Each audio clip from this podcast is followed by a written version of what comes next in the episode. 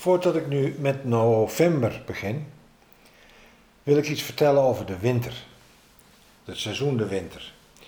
En daarmee herinner ik je eraan dat de seizoensindeling die in het boek of die ik hanteer, dat die eh, anders loopt dan de gewone seizoensindeling. Uh, de gewone seizoensindeling 21 maart, 21 juni, 21 september, 21 december. Ik heb dat 45 graden gedraaid, omdat dat energetisch beter past, blijkt. En dat betekent dat de winter in mijn model loopt van 4 november tot 4 februari. Dus voordat we met november beginnen, wat ook op deze podcast gebeurt, wil ik iets algemeens zeggen over het seizoen de winter. De winter zou je de nacht van het jaar kunnen noemen. De winter zou je de slaapperiode kunnen noemen. De winter is de periode van de naar binnenkering. Het is naar binnenkeren aan de ene kant en wortelen, verdiepen aan de andere kant. Want in de terugtrekking vindt een worteling plaats, waarbij letterlijk de wortels in de aarde komen, waarbij jouw wortels dieper in jouw ziel komen, waarin er een voeding plaatsvindt van die wortels, die eigenlijk niet gezien wordt, die in de immateriële wereld ligt, maar gek genoeg niet de immateriële wereld boven de aarde, maar de immateriële wereld in de aarde. Het is de energie in de aarde. Er zijn ook veel mensen die hebben modellen gemaakt waar niet alleen subtiele werelden boven de aarde zijn, maar ook subtiele werelden in de aarde. Uh, en daaruit vindt de voeding plaats uh, in die, naar die wortels toe. En die voeding zorgt ervoor in die drie maanden dat in het voorjaar er genoeg energie is dat de strijd met de vorst, de strijd om blaadjes naar buiten te laten komen, de strijd om de bloesem naar buiten te laten komen, weer aangegaan kan worden, want daar is energie voor nodig. Die energie wordt verzameld in de winter. Als je denkt dat dat vanzelf gaat en dat je niet een energievoorziening nodig hebt om verder te kunnen groeien, dan maak je een vreselijke vergissing. En die vreselijke vergissing wordt veel gemaakt. De winter is een absolute noodzaak. Je zou ook kunnen zeggen, in de winter is de dood van het jaar.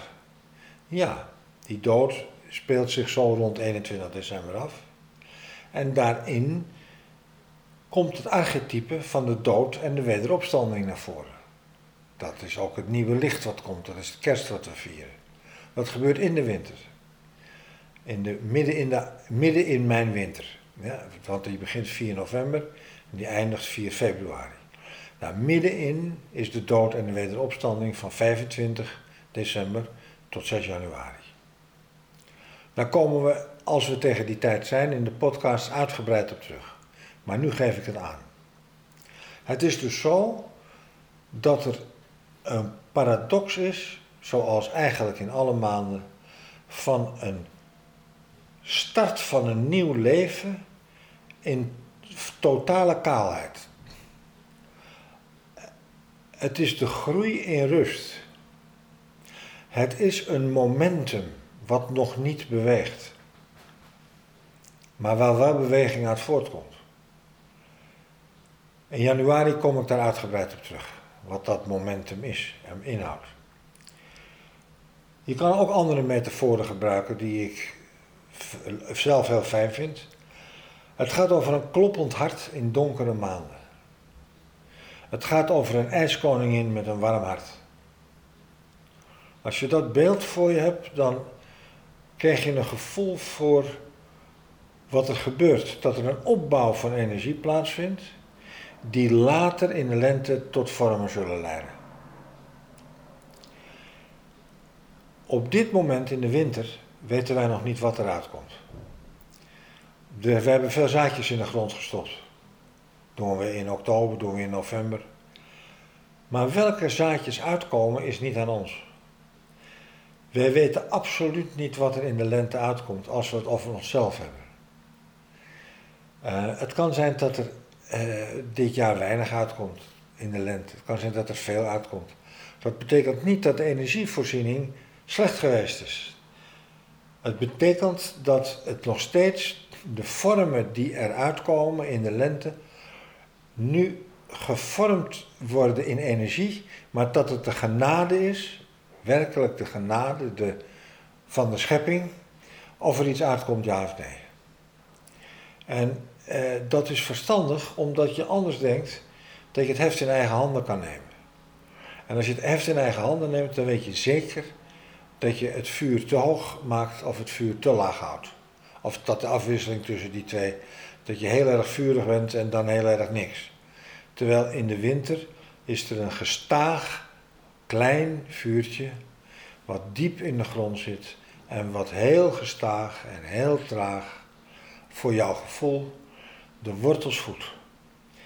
En dat gaat het beste in vertrouwen. Het vertrouwen in donkere maanden hoort erbij. Hoe hou ik vertrouwen in donkere maanden? Het archetype blijft weer de dood en de wederopstanding. Het archetype is weer vormen lopen af. Zelfs liefdes in relaties lopen af. Dat kan gewoon gebeuren. Het leven loopt af. Ehm, de winter. Er is iets wat altijd doorgaat. Dat is de ervaring van het jaar.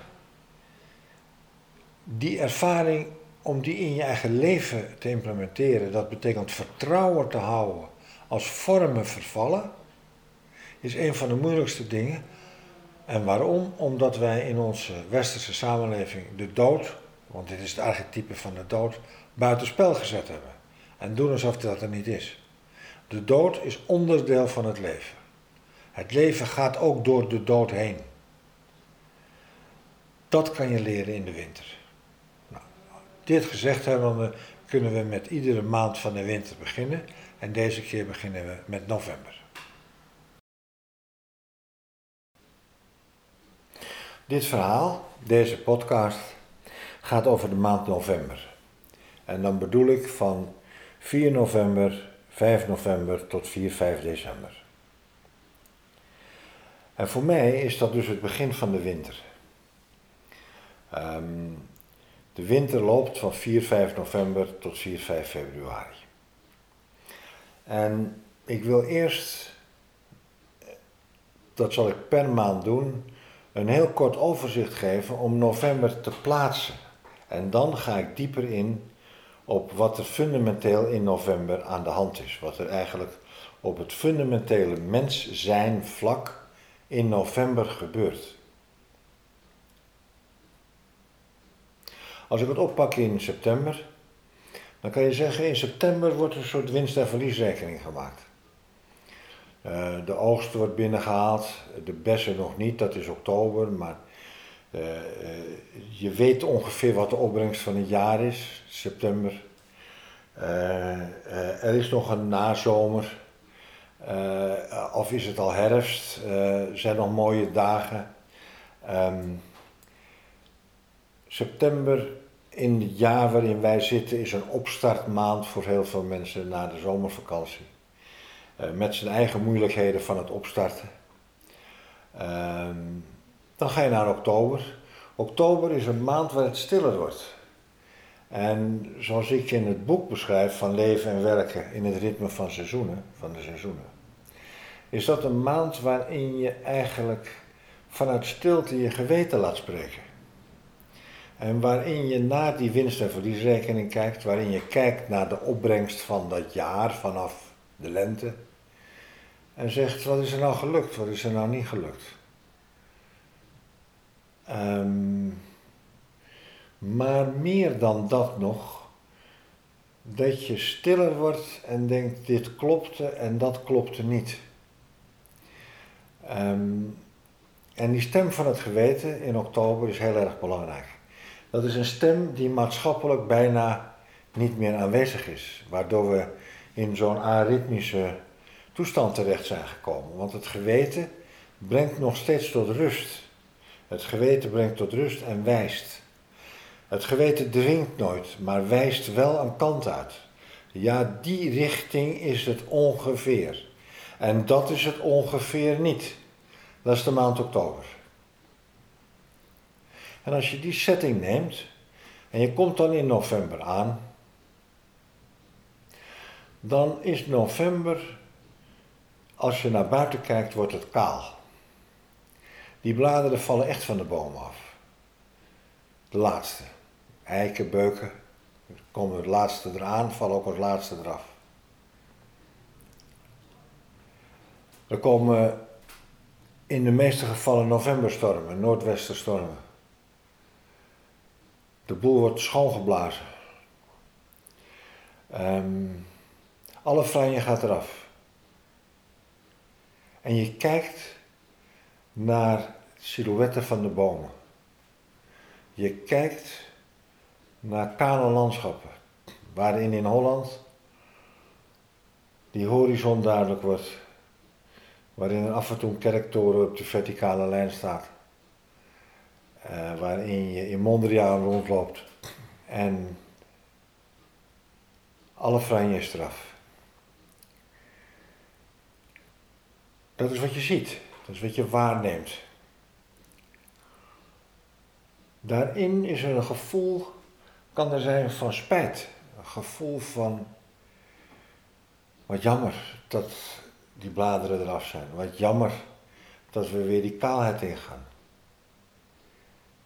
Maar dat duurt meestal niet zo lang, want je beseft dat die naar binnen gekeerde kant, dat die noodzakelijk is. Wil je weer energie opdoen, zal je je wortels dieper in de aarde moeten leggen om gedurende de winter daar energie uit op te bouwen, waardoor in de lente die blaadjes weer aan de bomen komen. Dat geldt voor die bomen, maar dat geldt ook voor jou en mij. Maar in het begin van de winter is er een vreemde fase. En die vreemde fase, dat is november. Die fase is, dat is de opschrift van die maand, dat is het loslaten van illusies. En daar kan je heel diep op ingaan, en dat zal ik nu ook gaan doen, omdat illusies onderdeel zijn van het mens zijn. En in november, daar kan je in de loop van het jaar, als ik dat weer op een jaar toepas, september de balans opmaken, oktober ben je stil geworden en heb je het geweten geraadpleegd. Ja, wat is wat je het afgelopen jaar gedaan hebt, op welke illusies berustte dat? Een illusie van macht, een illusie van wat je allemaal voor elkaar zou krijgen. Een illusie van dat het allemaal snel zou gaan. Of dat het allemaal niet zo nodig was. Uh, welke illusies hebben dit jaar een rol gespeeld? Die komen in november, als het kaal wordt, die komen boven water. Daar hoef je niks aan te doen. Het is niet zo dat je over illusies hoeft gaan nadenken in november. Het is zo dat als je naar buiten kijkt en kaal wordt, dat je merkt dat ineens dat je denkt, Jezus, maar dat klopt niet. Hoe ben ik daarbij gekomen? Illusies over relaties, illusies over de liefde, illusies over uh, vriendschappen, illusies over wat sociale contacten zijn, wat ze niet zijn uh, illusies over je werk. Op alle gebieden waarin je leeft worden gekleurd door illusies. En dat ontdek je of komt boven in november. Die kijk je aan. Dat is niet grappig in eerste instantie. Want de persoonlijkheid, dat ding wat ik zeg, en wat vindt dat het de baas is, die heeft het zwaar in november. En als die persoonlijkheid heel erg sterk is en de baas wil blijven, dan zal hij doen alsof het mei of juni is en hij in de expansie zit terwijl het nog, terwijl het november is en je in een contractie moet zitten. Je komt dus je persoonlijkheid maximaal tegen het ik wat roept, ik wend me af, ik pik het niet, ik blijf gewoon doorgaan waar ik mee bezig was. En ik hoef niet in de maat te lopen van het ritme, uh, want ik ben de baas. Dat is de grootste illusie die er is. Er is geen grotere. Namelijk, dat is het begin van alle illusies. Dat is dat ik. Dat ik bestaat helemaal niet. Als je daar goed over nadenkt, ken u zelf, is vanaf de Grieken heel erg belangrijk in onze cultuur. Maar wie daar goed mee bezig is, en dat wisten die Grieken ook wel, het is uiteindelijk een strikvraag. Want als je heel goed kijkt wie je zelf bent, dan blijft er niets over. Zoals Peer Gynt beschrijft in zijn muziekstuk, het is een uit die je afpelt en waar uiteindelijk geen kern overblijft. Er is in alle hersenwetenschappen die we op dit moment kennen in het brein geen centrum van het ik gevonden. Het ik is een uitvinding van de verlichting, 1760, 1800, waarvan Schopenhauer al gezegd heeft dat dat helemaal niet bestaat. En dat ik regeert de wereld. En dat ik komen wij in november maximaal tegen. Dus dan is het van belang om de mensen die daarmee bezig zijn en daar kwaad over zijn, of daar, eh, daar niet aan willen, om die bij de hand te nemen. Bijvoorbeeld jezelf, waarin je merkt dat je kwaad bent omdat er iets niet gelukt is wat je wilde, waarin je verdrietig bent en je verdriet hecht aan dingen Terwijl je, als je erover nadenkt, denk je, daar ben ik helemaal niet zo verdrietig over. Maar het verdriet moet ergens aan gehecht worden. Er zijn eerst gevoelens en dan hecht het zich aan. Altijd met illusies het geval. Je, gaat de verkeerde kant uit. Of je wendt je af en je zegt, nou, die door alsof het niet bestaat. Hoe neem je jezelf bij de hand? Dat gaat als volgt. En het is alsof je tegen een kind praat want daar is het geboren. Luister, illusies horen er in dit aardse bestaan bij. Er is niemand zonder illusie. En als we nagaan hoe die geboren worden, die worden geboren als je jong bent. Het schijnt al dat ze geboren werden in de baarmoeder, waar de gevoelens van je moeder jou al beïnvloeden en je je daar al toe moest verhouden. Dat is een hypothese waarvan ik denk dat die werkt, maar dat hoef je niet te geloven. Maar in ieder geval de eerste vier jaar, daarvan is de ontwikkelingspsychologie ook duidelijk.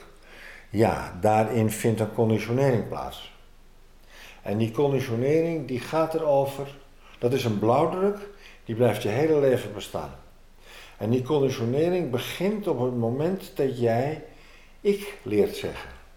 Dan begint de eerste dualiteit, namelijk ik en de ander.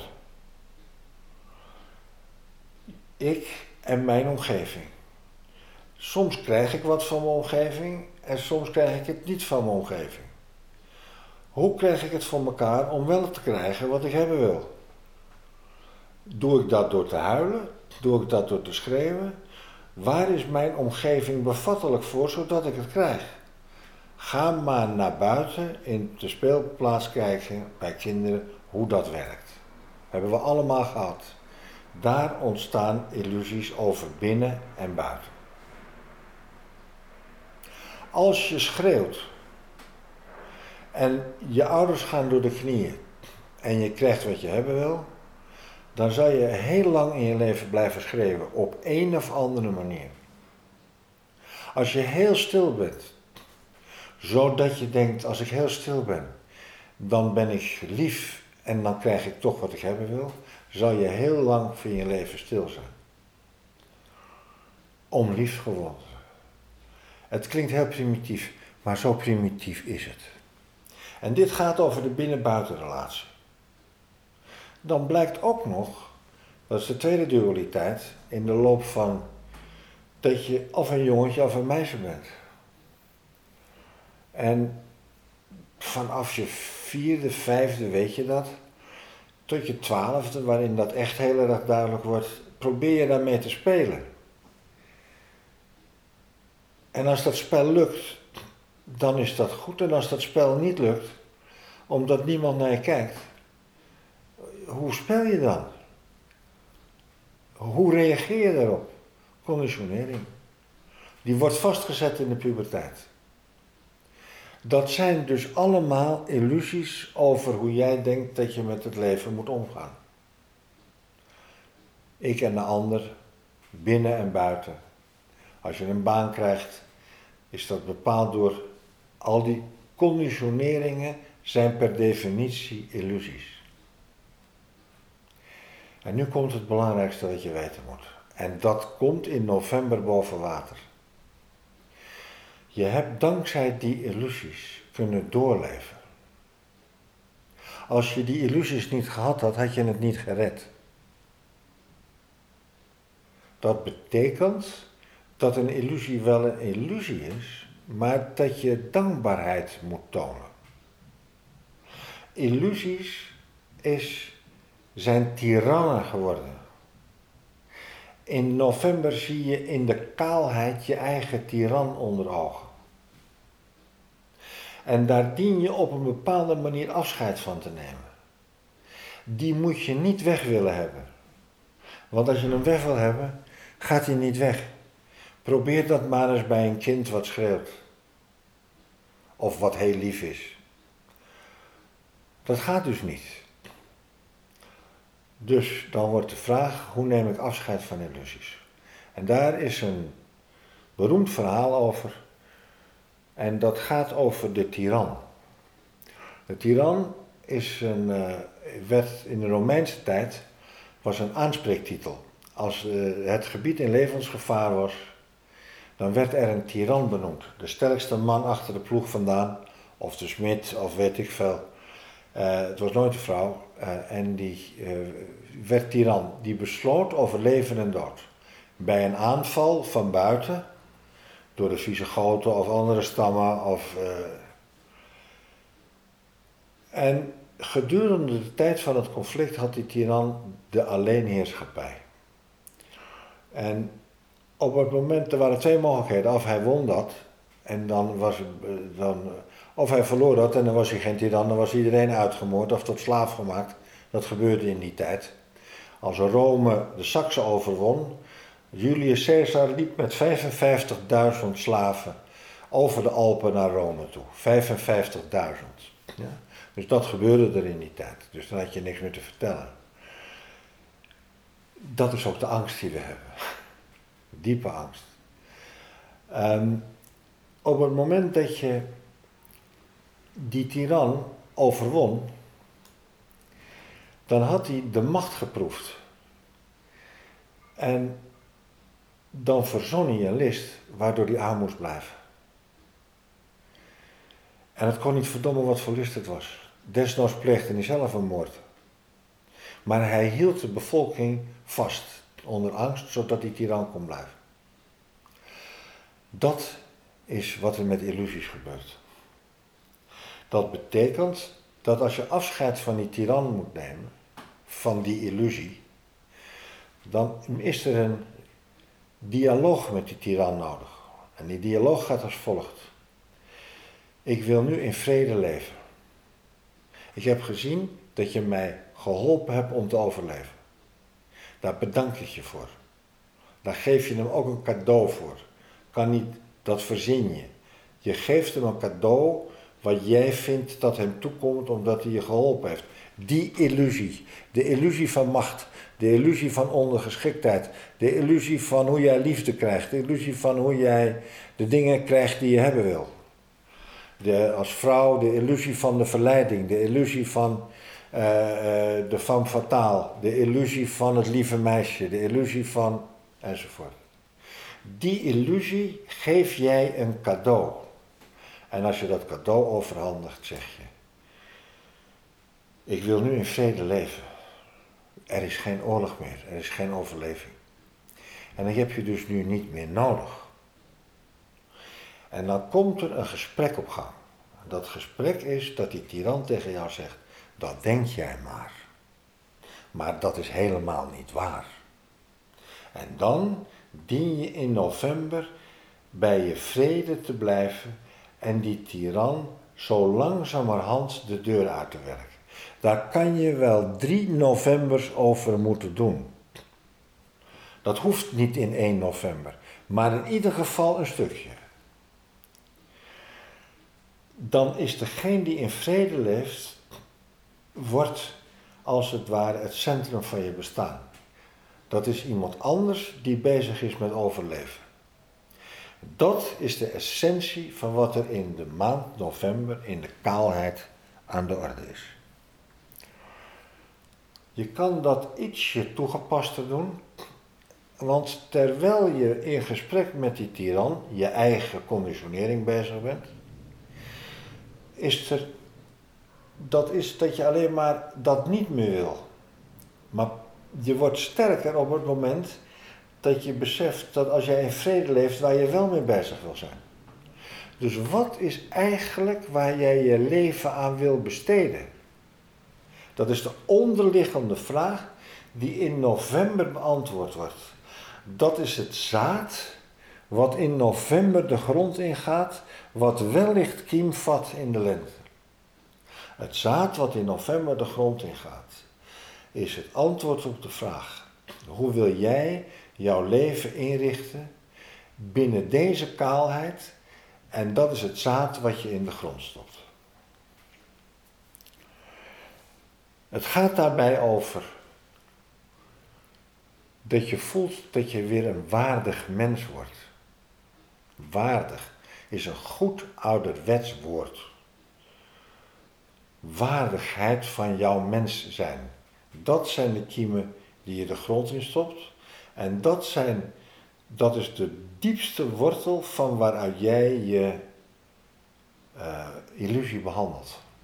Je oorlogzuchtige illusie, die de baas wil blijven.